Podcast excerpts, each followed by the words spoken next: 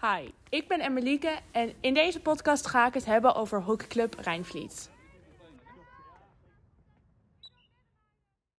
Hockeyclub Rijnvliet is een soort van mijn tweede huis te noemen. Ik kom er elke dag om te trainen met mijn team. Ik ben in 2020 erbij begonnen en dat was ook het jaartal dat het clubhuis klaar was met de bouw. In 2015 is de hockeyclub zelf begonnen. Het was een kleine club, maar het is in die paar jaren flink gegroeid. Ik ben blij dat ik mee mag doen aan de avonturen die hij nog gaat meemaken en de groei die hij gaat beleven.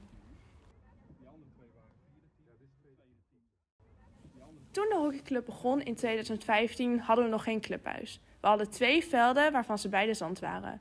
We deelden het clubhuis met de voetbalclub ernaast. In 2018-2019 is de bouw begonnen. We zijn super blij dat nu in 2020 het, het clubhuis af is. Ze zijn nog steeds niet klaar met het clubhuis. Er worden nog steeds stukken aangebouwd en verbeterd. Zoals de keeperslokkers die nu worden aangebouwd. Ik ga nu naar de hockeyclub om te kijken of er mensen zijn die wat meer weten over de historie van deze prachtige club. Ik ben aangekomen op de hockeyclub en sta nu bij het clubhuis. Het clubhuis is een groen gebouw en recht tegenover het clubhuis staat veld 1, ons waterveld. Als je naar rechts kijkt, zie je ons zandveld. De velden zijn super groot en staat op dit moment vol met mensen. Je hebt ook nog een ander veld en dat staat helemaal rechts bovenin als je op de kaart kijkt. We hebben ook twee schipcontainers waar alle spullen in staan om te trainen. Eén kleine en één hele grote.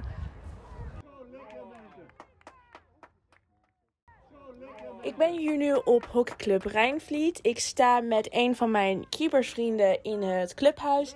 En hi Dorit. Um, Hi.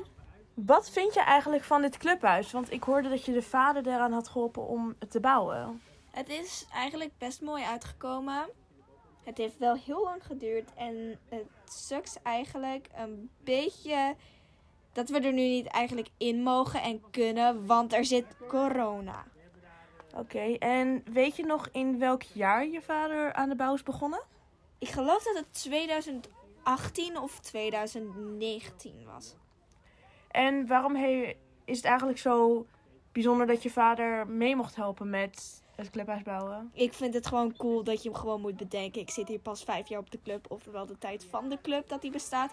En dat gewoon, mijn vader is ook degene geweest die gewoon het team dat het heeft gedaan, eigenlijk een beetje heeft aangespoord. Want hij heeft gezegd, oh kijk, deze mensen die doen houtbouw, dus misschien kun je deze mensen gebruiken. Oké, en is dit ook de aanleiding waarom je naar deze hockeyclub bent gegaan? Eh nee, pff. ik zat hier al voordat het clubhuis werd gebouwd. Oké, maar wat is dan wel de reden waarom je hebt gekozen voor Rijnvliet?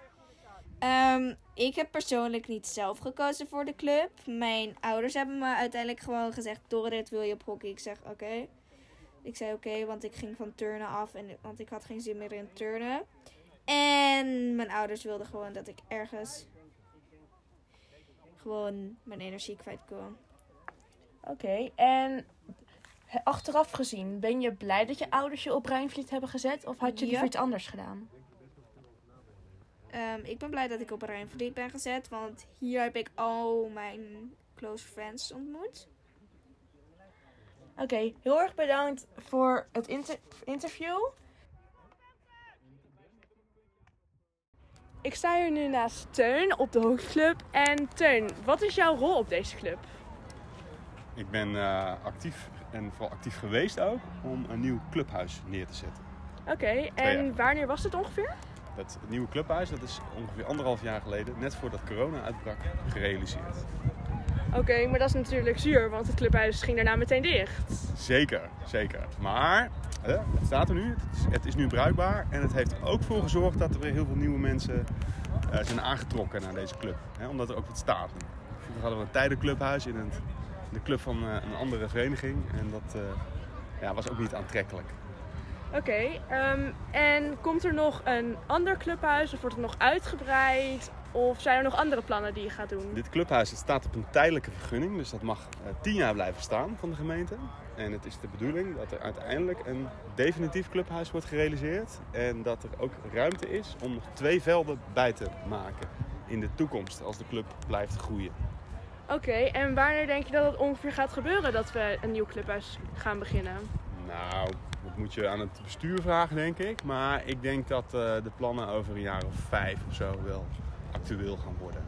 Oké, dus dit clubhuis staat er nog wel een tijdje hier te stralen voor de rest. Daar mogen we gelukkig nog wel eventjes van genieten, ja.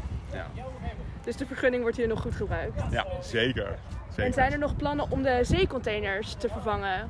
Nee, Want nu moeten wij keepers daar steeds onze tassen kwijt.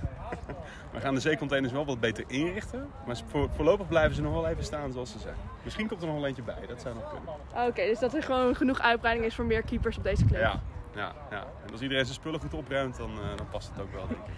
Oké, maar heel fijn dat ik eh, vragen aan je kon stellen. Eh, heel erg bedankt. Graag gedaan. Dit was mijn podcast over Hockeyclub Rijnvliet. Heel erg fijn dat u wou luisteren. Doeg!